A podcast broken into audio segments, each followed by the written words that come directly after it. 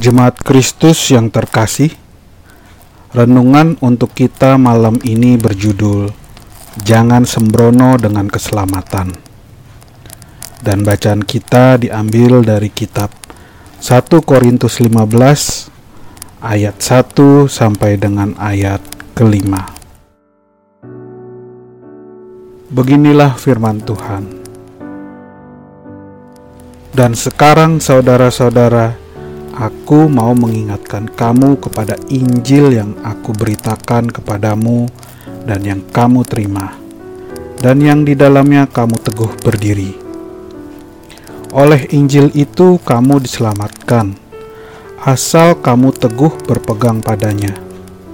Seperti yang telah kuberitakan kepadamu, kecuali kalau kamu telah sia-sia saja menjadi percaya. Sebab yang sangat penting telah kusampaikan kepadamu, yaitu apa yang telah kuterima sendiri, ialah bahwa Kristus telah mati karena dosa-dosa kita sesuai dengan kitab suci. Bahwa ia telah dikuburkan dan bahwa ia telah dibangkitkan pada hari yang ketiga sesuai dengan kitab suci. Bahwa ia telah menampakkan diri kepada Kefas dan kemudian kepada kedua belas muridnya.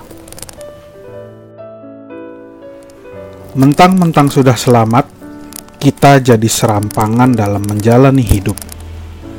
Kita sembrono dengan cara mencoba-coba dosa karena merasa toh sudah diampuni dan akan tetap diampuni. Sikap inilah yang diperingatkan oleh Paulus kepada jemaat di Korintus agar jangan menyia-nyiakan keselamatan yang sudah kita dapatkan di dalam Tuhan. Paulus mengingatkan keteguhan hati menjadi hal penting yang harus dicermati dalam menjaga hidup yang berdasarkan keselamatan dari Allah. Hal ini mengindikasikan bahwa keselamatan itu bisa hilang dalam artian kita sendiri yang membuangnya. Bagaimana dengan kehidupan kita sekarang? Marilah kita bercermin.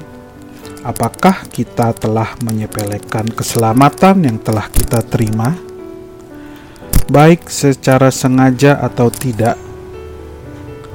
Bisa jadi kita sendiri juga termasuk orang-orang yang sembrono dalam menjaga keselamatan yang telah kita peroleh.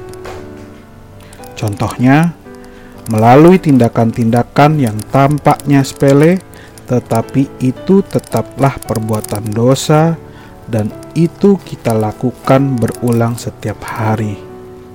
Misalnya, memendam amarah pada seseorang, tidak mau mengampuni atau tidak memberikan bantuan kepada yang membutuhkan, walaupun bantuan yang sederhana. Yuk, bersama-sama memeriksa diri kita. Siapa tahu kita telah jatuh. Kalau iya, segeralah bertobat dan memohon ampunan kepada Allah. Kalaupun tidak, bersyukurlah karena kita telah berusaha sebaik mungkin menjaga kehidupan. Keselamatan adalah hal yang sangat berharga. Jangan sembrono. Demikianlah renungan malam ini. Semoga damai sejahtera dari Tuhan Yesus Kristus tetap memenuhi hati dan pikiran kita. Amin. Jemaat yang terkasih, mari kita bersatu hati masing-masing menaikkan pokok-pokok doa yang ada di dalam gerakan doa 21 GKI Sarwa Indah. Mari kita berdoa.